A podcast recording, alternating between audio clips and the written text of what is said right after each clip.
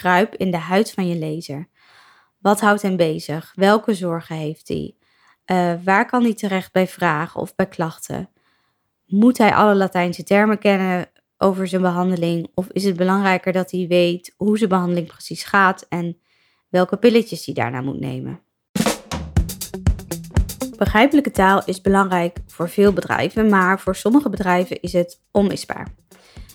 En dat geldt voor bedrijven met een breed publiek. Maar in deze podcast wil ik het specifiek hebben over zorgorganisaties. Daar help ik er best wel veel van.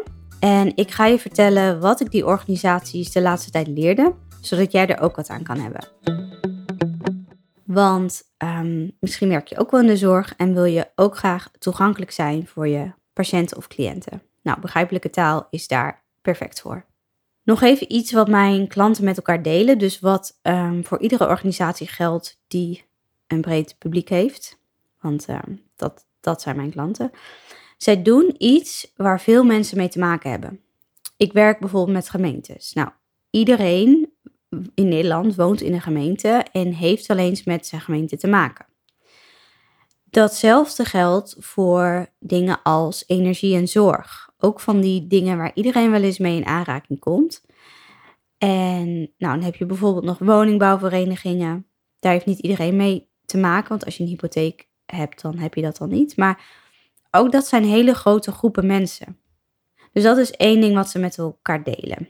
Ehm, ja, en de, en de zorg dus ook. En daarnaast, in de doelgroep van deze bedrijven zitten veel verschillende mensen. Dat is wat ik net bedoelde met een breed publiek. Um, het is lastig in dat geval om doelgroepgericht te schrijven.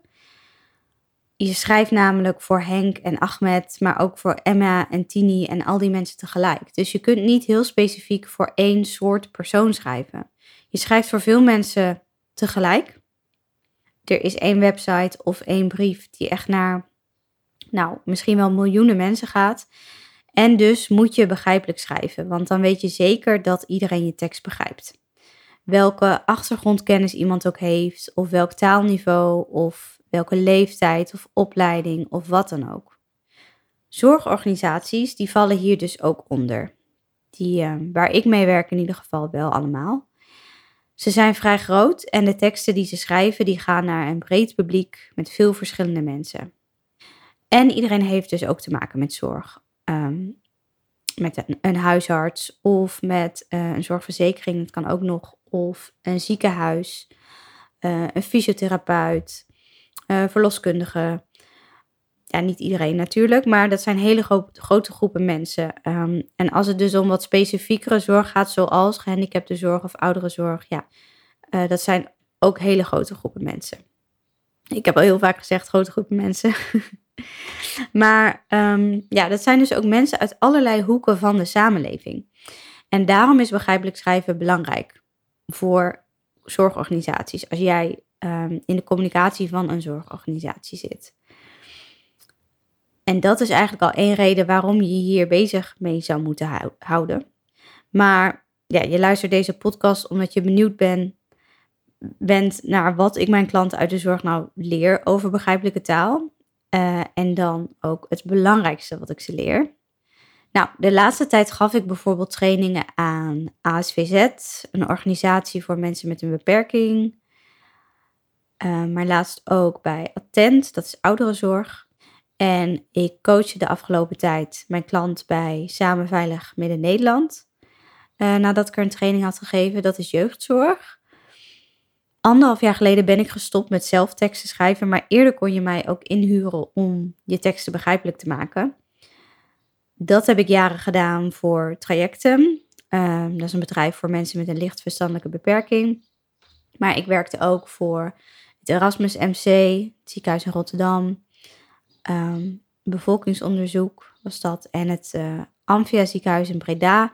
Nou ja, ik heb dus heel veel teksten voorbij zien komen. En ik zie nog regelmatig teksten voorbij komen die naar patiënten of cliënten gaan. En wat ik de mensen vertel die ik hierbij help, Ehm, waar het eigenlijk steeds weer op neerkomt, is dat jouw belangrijkste doel is om mensen vertrouwen te geven. Vertrouwen is alles. En als het er niet is, dan kun je je organisatie wel opdoeken. Bij goede zorg is vertrouwen van de patiënt of de cliënt onmisbaar. En dus ook het vertrouwen van um, zijn of haar ouders of familie of vrienden of, of mantelzorgers. En via jouw communicatie kan je dat vertrouwen krijgen of houden. Dus met jouw woorden zorg je ervoor dat mensen zich goed voelen en vertrouwd en op hun gemak. Kijk, over het algemeen bedenkt niemand van tevoren: ik ga morgen eens even lekker gebruik maken van de zorg. Soms natuurlijk wel, hè? het is niet allemaal onder dwang of zo. Je hebt ook um, nou, vrijwillige, een heleboel vrijwillige zorg. Um, iets waar je graag voor kiest. Maar ja, je hebt ook een, een aardig groot deel van de zorggebruikers. Waarbij ze of ergens last van hebben, of ze hebben hulp en ondersteuning nodig, wat ze kwetsbaar maakt. Om wat voorbeelden te noemen. Je gaat naar het ziekenhuis of de, de huisarts omdat je last hebt van iets in je lichaam. En dat kan iets onschuldigs zijn, maar het kan ook een kwestie van leven en dood zijn. Je gaat naar een bejaardentehuis omdat je hulp nodig hebt in de volgende fase van je leven. En omdat je um, ja, afhankelijk wordt van andere mensen. Je woont in een instelling voor mensen met een lichtverstandelijke beperking en je gaat naar een dagbesteding omdat je die hulp nodig hebt om te functioneren en om mee te doen in de maatschappij en je volwaardig mens te voelen. De rechter die kan jouw gezin een ondertoezichtstelling opleggen omdat het niet goed gaat met je familie en met je kind. En als het niet gebeurt, dan kan het verkeerd aflopen. Of je gaat naar de zwangerschapsyoga, niet omdat er een bom ontploft als je niet gaat, maar omdat je vertrouwt op de expertise van de yogaleraar. De zorg is dus super uiteenlopend, maar wat je bij al deze gevallen terugziet, is dat de patiënt of cliënt zich kwetsbaar opstelt in meer of mindere mate. Of dat hij dat zou moeten doen. Ehm, en dat hij hulp krijgt en dus een ander nodig heeft. Of hij dat nou wil of niet, of het nou is opgelegd door de rechter, of dat hij er juist uh, fluitend naartoe gaat omdat hij er zelf zin in heeft. Wil dit een succes worden, dan is vertrouwen nodig. En jij als communicatieprofessional hebt hierin een belangrijke taak. Want door de juiste taal te gebruiken, kan je dit vertrouwen krijgen of houden. Of in ieder geval je best ervoor doen. Het wil nog niet zeggen dat het dan op de magische manier altijd lukt. En communicatie is natuurlijk zeker niet het enige waardoor mensen vertrouwen of wantrouwen krijgen in de zorg. Het hangt ook behoorlijk af van de zorg zelf. En hoe de zorgverleners met je omgaan en zo. Maar toch is communicatie wel belangrijk. En wat heeft begrijpelijke taal hier nou mee te maken? Nou, teksten in, ik noem het normale mensentaal, um, die verkleinen de afstand tussen jou en de lezer, de patiënt. Als je helder en duidelijk communiceert in normale woorden, Ehm, dan communiceer je van mens tot mens. En dat leest prettiger. Je begrijpt wat er staat. Ehm, je gevoel van wij tegen zij neemt af. Omdat het meer van, van mens tot mens is. Dus. En dat geldt niet alleen voor mensen met een laag taalniveau, maar ook voor hoogopgeleiden. Want ook zij waarderen een eenvoudige tekst en die hebben dat liever dan een ingewikkelde tekst.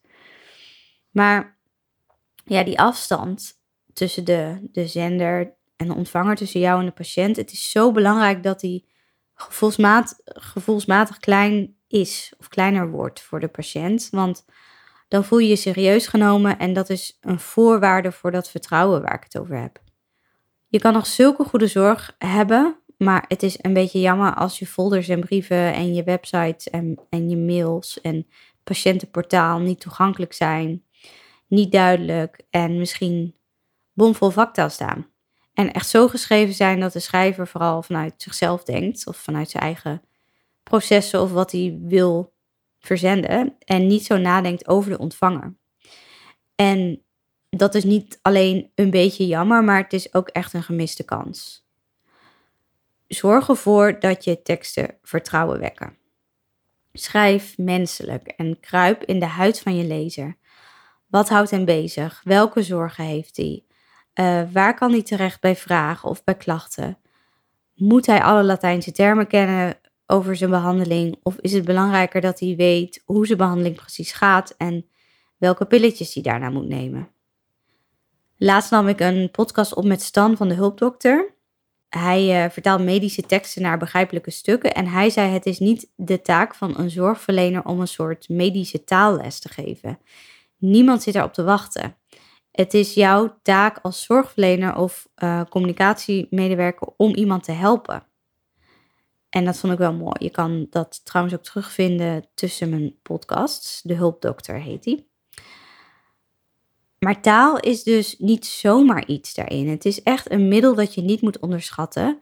En dat het verschil kan maken voor mensen bij hoe ze zich voelen over de zorg die ze krijgen. Dus hou die afstand klein. Gebruik jouw woorden om mensen op hun gemak te stellen, ze uit te leggen wat er met ze aan de hand is, wat er met ze gebeurt en om rekening te houden met de ander. Dat is uiteindelijk ook waar de zorg voor bedoeld is. Werk jij bij een zorgorganisatie en wil je via begrijpelijke taal ook het vertrouwen winnen van je patiënten of cliënten? Plan dan een gratis gesprek via mijn website. Dat is www.vet-simpel.nl. Die link die staat ook in de beschrijving van deze podcast. En dan help ik je graag via mijn 1 op 1 coachingprogramma of de groepstraining voor jou en je collega's. En via het gesprek bespreken we dan uh, of dat iets voor je is. Bedankt voor het luisteren en succes met schrijven deze week.